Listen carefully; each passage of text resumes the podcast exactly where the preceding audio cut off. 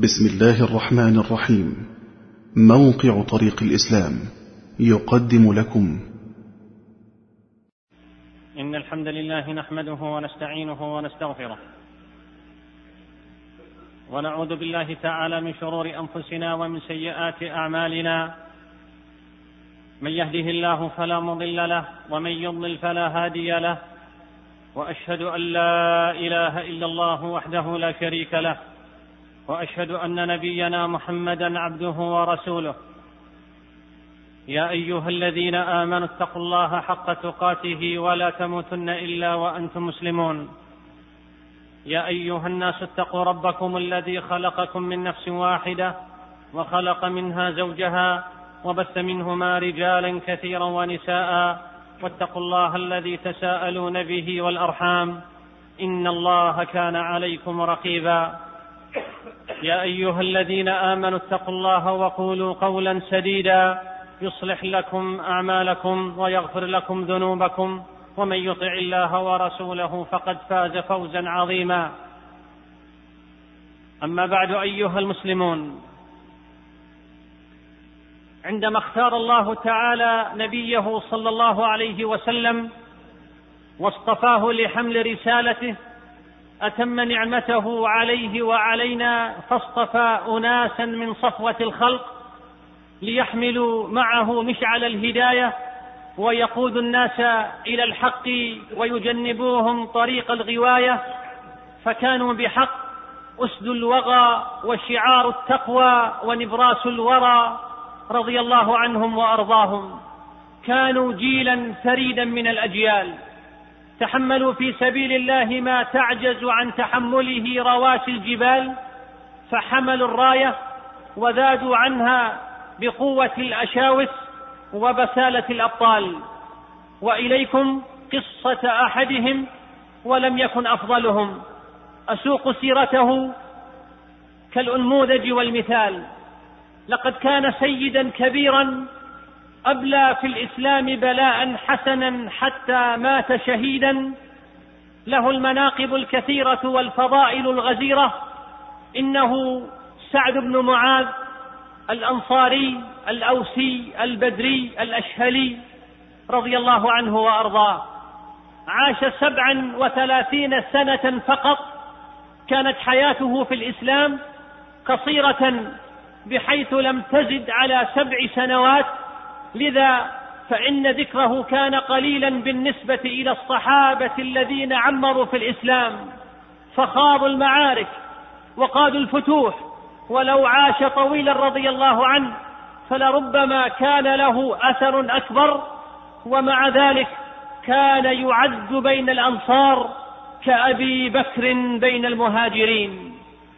أسلم سعد بن معاذ على يد مصعب بن عمير رضي الله عنهما وكان رسول الله صلى الله عليه وسلم بعث مصعبا إلى المدينة بعد بيعه بعد بيعة العقبة الأولى وأمره أن يقرئهم القرآن وأن يعلمهم الإسلام وأن يفقههم في الدين الجديد. فنزل مصعب على أسعد بن زرارة وكان يسمى بالمدينة المقرئ وكان يصلي بهم فخرج أسعد ابن زرارة بمصعب بن عمير يريد دار بني عبد الأشهل ودار بني ظفر فدخل به حائطا من حوائط بني ظفر فجلس في الحائط واجتمع إليهما رجال ممن أسلم وسعد بن معاذ وأسيد بن حضير يومئذ سيد قومهما من بني عبد الأشهل وكلاهما على دين قومه. فلما سمعا به قال سعد لأسيد لا أبا لك انطلق بنا إلى هذين الرجلين اللذين قد أتيا دارينا ليسفها ضعفاءنا فازجرهما وانههما عن أن يأتيا دارينا. فلولا فلولا أن أسعد بن زرارة مني حيث قد علمت لكفيت كذلك هو ابن خالتي ولا أجد عليه مقدما. فأخذ أسيد بن حضير حربته ثم أقبل إليهما. فلما رآه أسعد بن زرارة قال لمصعب إن جلس فكلمه فوقف عليهما متشتما فقال ما جاء بكما إلينا؟ تسفهان ضعفاءنا اعتزلانا إن كانت لكما بأنفسكما حاجة. فقال له مصعب أو تجلس فتسمع؟ فإن رضيت أمرا قبلته. وإن كرهته كف عنك ما تكره. قال أنصفت. ثم ركز حربته وجلس إليهما. فكلمه مصعب بالإسلام وقرأ عليه شيئا من القرآن. فقال في نفسيهما والله لقد عرفنا في وجهه الإسلام قبل أن يتكلم في إشراقه وتسهله. ثم قال ما أحسن هذا وأجمله؟ كيف تصنعون لكي تدخلوا في هذا الدين؟ قال له تغتسل فتتطهر وتشهد شهادة الحق. ثم قام فركع ركعتين. ثم قال لهما إن ورائي رجلا إن اتبعكما لم يتخلف عنه أحد من قومه وسأرسله إليكما الآن وهو سعد بن معاذ. ثم أخذ حربته وانصرف إلى سعد وقومه وهم جلوس في ناديهم فلما نظر إليه سعد بن معاذ مقبلا قال أحلف بالله لقد جاءكم أسيد بن حضير بغير الوجه الذي ذهب به من عندكم فلما وقف على النادي قال له سعد ما فعلت؟ قال كلمت الرجلين فوالله ما رأيت بهما بأسا وقد نهيتهما فقال نفعل ما أحببت وقد حدثت أن بني حارثة قد خرجوا إلى أسعد بن زرارة ليقتلوه وذلك أنهم عرفوا أنه ابن خالتك ليغفروك. قال فقام سعد بن معاذ مغضبا مبادرا تخوفا للذي ذكر له من بني حارثة فأخذ الحربة في يده ثم قال والله ما أراك أغنيت شيئا ثم خرج إليهما. فلما رآهما سعد مطمئنين عرف سعد أن أسيدا إنما أراد منه أن يسمع منهما فوقف عليهما متشتما ثم قال لأسعد بن زرارة يا أبا أمامة أما والله لولا ما بيني وبينك من القرابة ما رمت هذا مني أتغشانا في دارنا بما نكره؟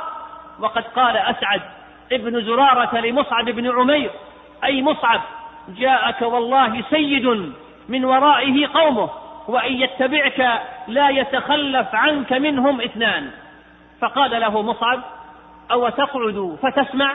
فإن رضيت أمرا ورغبت فيه قبلته وإن كرهته عزلنا عنك ما تكره. قال سعد أنصفت. ثم ركز حربته وجلس. فعرض عليه الإسلام وقرأ عليه القرآن. قال فعرفنا في وجهه الإسلام قبل أن يتكلم لإشراقه وتسهله. ثم قال لهما كيف تصنعون إذا أنتم أسلمتم ودخلتم في هذا الدين؟ قال تغتسل فتتطهر وتطهر ثوبك ثم تشهد شهادة الحق. ثم قام فركع ركعتين ثم أخذ حربته فأقبل عامدا إلى نادي قومه ومعه أسيد بن حضير.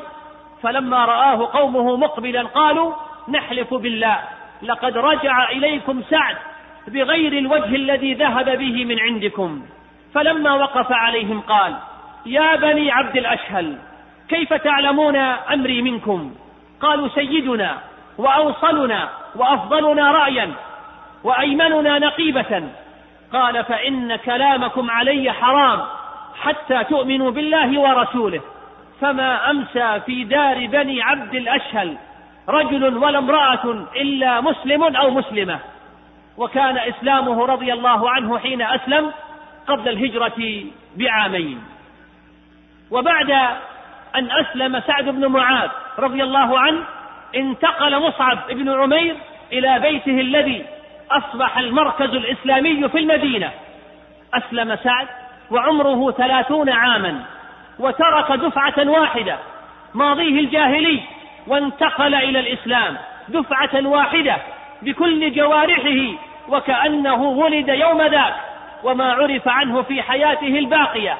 أم مرت عليه لحظة فيها جاهلية أو رواسب منها. وهكذا وهكذا يستطيع إنسان إن صدق مع الله وأخلص أن يفعل ما لا يفعله. عدد كبير من الرجال. فقد استطاع مصعب بن عمير أن يؤثر في أهل يثرب جميعا. واستطاع سعد بن معاذ أن ينقل قبيلة كاملة من ظلام الجهل إلى نور الإسلام. أيها المسلمون شهد سعد بن معاذ المشاهد مع النبي صلى الله عليه وسلم وله مواقف مشرفة في هذه المشاهد. من ذلك موقفه رضي الله عنه في غزوة بدر. بعد أن قال النبي صلى الله عليه وسلم أشيروا علي أيها الناس. فتكلم الصديق. ثم تكلم الفاروق عمر بن الخطاب رضي الله عنهما. ثم تكلم بعدهما المقداد بن عمرو رضي الله عنهم وعن الصحابة جميعا. ولكنه عليه الصلاة والسلام كرر مقولته أشيروا علي أيها الناس وإنما يريد الأنصار. فأدرك سعد بن معاذ رضي الله عنه مراد النبي صلى الله عليه وسلم. فقال سعد والله لكأنك تريدنا يا رسول الله. قال أجل. فقال سعد يا رسول الله قد آمنا بك وصدقناك. وشهدنا أن ما جئت به هو الحق وأعطيناك على ذلك عهودنا ومواثيقنا على السمع والطاعة. فامض يا رسول الله لما أردت فنحن معك فوالذي بعثك بالحق لو استعرضت بنا البحر فخذته لخذناه معك. ما تخلف منا رجل واحد وما نكره أن تلقى بنا عدونا غدا. إنا لصبر في الحرب صدق عند اللقاء. لعل الله يريك منا ما تقر به عينك فسر على بركة الله. فسر النبي صلى الله عليه وسلم بقول سعد رضي الله عنه ونشطه ذلك ثم قال سيروا وأبشروا فإن الله قد وعدني إحدى الطائفتين. والله لكأني أنظر إلى مصارع القوم. وسعد رضي الله عنه هو الذي أشار على النبي صلى الله عليه وسلم ببناء العريش له في غزوة بدر. وبناء وبناء على هذا الاقتراح فقد بني العريش وتم إنشاء حرس خاص للنبي صلى الله عليه وسلم وهي فرقة تم اختيارها من فتيان الأنصار وتولى سعد بن معاذ رضي الله عنه قيادتها بنفسه ليطمئن على سلامة وحماية النبي صلى الله عليه وسلم. وفي نهاية الغزوة رأى النبي صلى الله عليه وسلم في وجه سعد الكراهية لما يصنع الصحابة من أسر الرجال. فقال والله لكأنك يا سعد تكره ما يصنع الناس. قال أجل والله يا رسول الله كانت أول وقعة أوقعها الله بأهل الشرك فكان الإسخان في القتل بأهل الشرك أحب إلي من استبقاء الرجال. وبعدها شهد سعد بن معاذ رضي الله عنه غزوة أحد أيضا مع النبي صلى الله عليه وسلم وأبلى بلاء حسنا عندما انكشف المسلمون وأصاب فيهم العدو وشج وجه النبي صلى الله عليه وسلم وجرحت شفته وكسرت رباعيته ووقع في الحفرة فكان سعد بن معاذ ممن ثبت مع النبي صلى الله عليه وسلم في هذا الموقف العصيب. وانتهت الغزوة وعاد النبي صلى الله عليه وسلم إلى المدينة. وقبل أن يدخلها جاءت أم سعد بن معاذ تعدو نحو النبي صلى الله عليه وسلم وهو على فرسه وسعد آخذ بلجامها. فقال سعد رضي الله عنه يا رسول الله أمي! فقال مرحبا بها. فوقف لها. فلما فلما دنت منه عزاها النبي صلى الله عليه وسلم. بولدها عمرو بن معاذ أخو سعد فقد استشهد رضي الله عنه في غزوة أحد. فقالت أما إذ رأيتك سالما يا رسول الله فقد هانت عندي المصيبة. فقال النبي صلى الله عليه وسلم يا أم سعد أبشري وبشري أهلهم أن قتلاهم ترافقوا في الجنة جميعا وقد شفعوا في أهلهم جميعا. ثم شهد رضي الله عنه بعد ذلك. غزوة الخندق والتي نقض يهود بني قريظة فيها عهدهم مع رسول الله صلى الله عليه وسلم. وفي هذه الغزوة كانت أم سعد بن معاذ مع عائشة رضي الله عنهما في حصن بني حارثة وكان من أحرز حصون المدينة. فمر سعد رضي الله عنه وعليه درع قصيرة قد خرجت منه ذراعه كلها. قالت عائشة يا أم سعد والله لوددت أن درع سعد كانت أسبق مما هي. تقول عائشة فقلت في نفسي وخفت عليه حيث أصاب السهم منه وما أن سار سعد قليلا حتى رماه حبان بن قيس ابن العرقة بسهم فأصابه وقطع منه الأكحل. فلما أصابه قال خذها وأنا ابن العرقة. فقال له سعد عرق الله وجهك في النار. وشعر أن في هذا حتفه. فقال اللهم إن كنت أبقيت من حرب قريش شيئا فأبقني لها فإنه لا قوم أحب إلي من أن أجاهدهم في قوم آذوا رسولك وكذبوه وأخرجوه. اللهم وإن كنت وضعت الحرب بيننا وبينهم فاجعلها لي شهادة. ولا تمتني حتى تقر عيني في بني قريظة. فاستمسك العرق. استجاب الله جل وتعالى دعاءه. فاستمسك العرق. فما قطرت منه قطرة دم. وضرب عليه النبي صلى الله عليه وسلم خيمة في المسجد ليعوده من قريب. بعدها تفرقت الأحزاب. وجاء الأمر الرباني بالتوجه إلى بني قريظة فأمر النبي صلى الله عليه وسلم مؤذنا في الناس من كان سامعا مطيعا فلا يصلين العصر إلا في بني قريظة. فتسارع الصحابة وتسابقوا إليهم وتحصن اليهود داخل حصونهم وطال الأمر عليهم ولم يجدوا بدا من النزول على حكم النبي صلى الله عليه وسلم بعد حصار دام خمسا وعشرين ليلة. فكلم النبي عليه الصلاة والسلام أطراف عدة يشفعون في بني قريظة. فقال لهم ألا ترضون يا معشر الأوس أن يحكم فيهم رجل منكم؟ قالوا بلى. قال فذاك إلى سعد بن معاذ. فأرسل النبي صلى الله عليه وسلم إلى سعد فجيء به محمولا على حمار وهو متعب من جرحه فأقبلوا فأقبلوا عليه وهم يقولون له يا أبا عمرو أحسن في مواليك فإن الرسول صلى الله عليه وسلم إنما ولاك ذلك لتحسن فيهم. فلما أكثروا عليه قال لقد آن لسعد ألا تأخذه في الله لومة لائم فقال النبي صلى الله عليه وسلم أحكم يا سعد. فقال سعد بن معاذ فإني أحكم فيهم يا رسول الله أن تقتل الرجال وتقسم الأموال وتسبى الذراري والنساء. فقال النبي صلى الله عليه وسلم لقد حكمت فيهم بحكم الله من فوق سبعة أرقعة. ثم استنزلوا وخرج النبي صلى الله عليه وسلم إلى سوق المدينة. فخندق بها خنادق ثم بعث إليهم فضرب أعناقهم وكانوا قرابة السبعمائة. لقد كان سعد رضي الله عنه أعرف الناس باليهود وإن قوما نكثوا عهدهم في أحلك الظروف ومع خير البرية لا ينفع فيهم إلا قطع الرؤوس. فما أحوج الأمة اليوم؟ ما أحوج أمتنا اليوم؟ إلى رجل بل إلى رجال. أمثال سعد يتعاملون مع اليهود والنصارى بما يستحقون.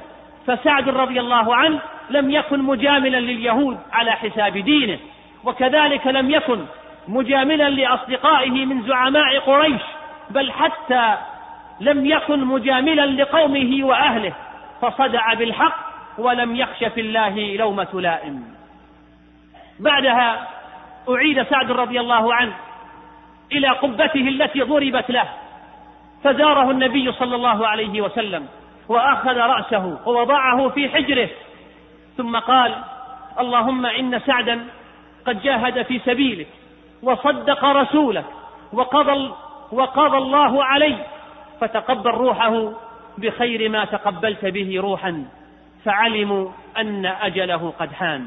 وما أن قضي من شأن بني قريظة حتى انفجر جرحه رضي الله عنه. فاحتمله قومه إلى ديار بني عبد الأشهل. وجاء جبريل إلى النبي صلى الله عليه وسلم من جوف الليل معتمرا بعمامة من استبرق. فقال يا محمد من هذا الميت الذي فتحت له أبواب السماء؟ واهتز له العرش. فقال لأصحابه انطلقوا. فخرج النبي صلى الله عليه وسلم وخرج معه الصحابة. مسرعين إلى ديار بني عبد الأشهل وأسرعوا حتى تقطعت شسوع نعالهم وسقطت أرديتهم. فقال النبي صلى الله عليه وسلم إني أخاف أن تسبقنا الملائكة فتغسله كما غسلت حنظلة. فانتهوا إلى البيت وهو يغسل رضي الله عنه. فجعل يقول عليه الصلاة والسلام هنيئا لك يا أبا عمرو. هنيئا لك يا أبا عمرو. ثم خرجوا به إلى دفنه وقال له القوم ما حملنا يا رسول الله ميتا أخف علينا منه مع أنه كان رضي الله عنه رجلا جسيما. فقال عليه الصلاة والسلام وما يمنعه أن يخف وقد هبط من الملائكة كذا وكذا لم يهبطوا قط قبل يومهم قد حملوه معكم. وجاء عند النسائي من حديث ابن عمر رضي الله عنهما عدد الملائكة الذين شاركوا في تشييع جنازة سعد بن معاذ فقد قال النبي صلى الله عليه وسلم هذا العبد الصالح الذي تحرك له العرش وفتحت له أبواب السماء وشهده سبعون ألفا من الملائكة لم ينزلوا إلى الأرض قبل ذلك لقد ضم ضمة ثم أفرج عنه. قال الإمام الذهبي رحمه الله تعالى والعرش خلق الله مسخر إذا شاء أن يهتز اهتز بمشيئة الله وجعل فيه شعورا لحب سعد كما جعل تعالى شعورا في جبل أحد بحبه النبي صلى الله عليه وسلم. انتهى كلامه. فلما فلما انتهوا إلى قبر سعد رضي الله عنه نزل فيه أربعة من الصحابة الحارث بن أوس وأسيد بن حضير وأبو نائلة وسلمة ابن سلامة بن وقش. والنبي صلى الله عليه وسلم واقف على القبر فلما وضع في قبره تغير وجه النبي صلى الله عليه وسلم وسبح ثلاثا فسبح المسلمون حتى ارتج البقيع ثم كبر ثلاثا وكبر المسلمون حتى ارتج البقيع.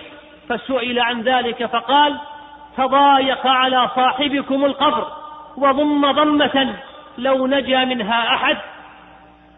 لنجا هو ثم فرج الله عنه. قال الإمام الذهبي رحمه الله هذه الضمة ليست من عذاب القبر في شيء بل هو أمر يجده المؤمن كما يجد ألم فقد ولده وحميمه في الدنيا وكما يجد من ألم مرضه وألم خروج نفسه وألم سؤاله في قبره وامتحانه وألم تأثره ببكاء أهله عليه وألم قيامه من قبره وألم الموقف وهوله وألم الورود على النار ونحو ذلك. فهذه الأراجيف كلها قد تنال العبد وما هي من عذاب القبر ولا من عذاب جهنم قط. ولكن العبد التقي يرفق الله به في بعض ذلك أو كله ولا راحة للمؤمن دون لقاء ربه. انتهى كلامه رحمه الله. وذكر من حضر قبره رضي الله عنه أن رائحة المسك كانت تفوح من ذلك التراب ودفن بالبقيع وكان عمره يومئذ سبعا وثلاثين سنة وما كان أحد أشد فقدا على المسلمين بعد رسول الله وبعد أبو بكر وعمر من سعد بن معاذ رضي الله عنهم وعن الصحابة جميعا. أيها المسلمون ظهرت لسعد رضي الله عنه في غزوة الخندق فضائل كثيرة تدل على فضله ومنزلته عند الله وعند رسوله صلى الله عليه وسلم. منها استجابة الله تعالى لدعائه ذلك الدعاء العجيب دعاء العظماء الذين يعرفون أن رسالتهم في هذه الحياة ليست هي الاستشهاد فقط بل متابعة الجهاد إلى اللحظة الأخيرة فهو المسؤول عن نصرة هذا الدين في قومه وأمته. إنه لم يحرص كثيرا على الحياة بعد انتهاء جهاد بني قريظة وانتهاء المسؤولية وتأدية الأمانة المناطة به في قيادة قومه لحربهم. فإذا فإذا شفي غيظ قلبه في الحكم في بني قريظة وبدا قطف الثمار للإسلام فلا ثمرة أشهى من الشهادة. وقد تحققت آماله رضي الله عنه. فقد أصدر حكمه في بني قريظة وشهد مصرع حلفاء الأمس أعداء اليوم. أيها المسلمون إن هذا الصحابي الجليل قد استشهد وهو في ريعان شبابه فقد كان في السابعة والثلاثين من عمره يوم وافته منيته. وهذا يعني أنه قاد قومه إلى الإسلام وهو في الثلاثين من عمره. وإنما وإنما تتفجر الطاقات الكامنة والمواهب بعد سن الأربعين التي هي غاية الرشد. فأي طراز هذا الذي حفل تاريخه بهذه المآثر واستبشر أهل السماوات بقدومه واهتز عرش الرحمن فرحا لوفاته من دون خلق الله أجمعين. وفي حديث البراء رضي الله عنه عند مسلم قال أهديت للنبي صلى الله عليه وسلم حلة حرير فجعل أصحابه يلمسونها ويعجبون من لينها فقال أتعجبون من لين هذه؟ لمناديل سعد بن معاذ في الجنة خير منها وألين. نسأل الله جل وتعالى أن يحشرنا في زمرة سعد وأصحاب سعد وأن يقر أعيننا بأعداء ديننا من اليهود والنصارى كما أقر عين سعد في بني قريظة. إنه ولي ذلك والقادر عليه. وأستغفر الله لي ولكم فاستغفروه. إنه هو الغفور الرحيم.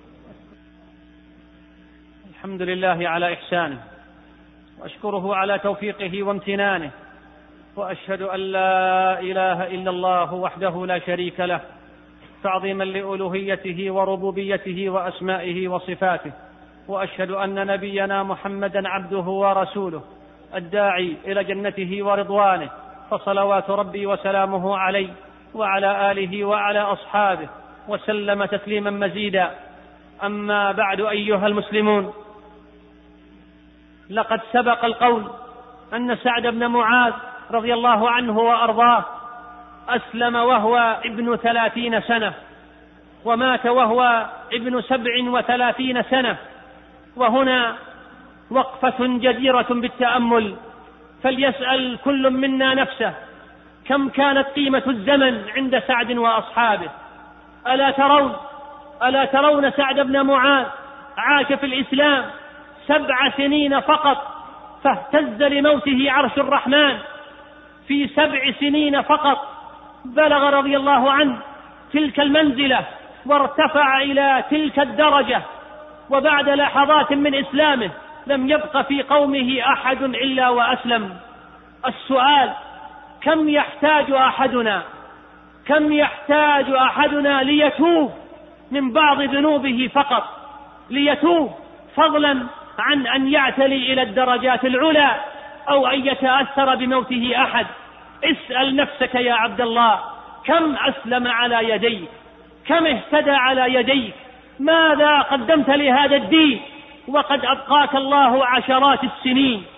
حياة سعد بن معاذ رضي الله عنه وأرضاه كانت في الإسلام سبع سنوات فقط لكنها بقيت سطور أيامها.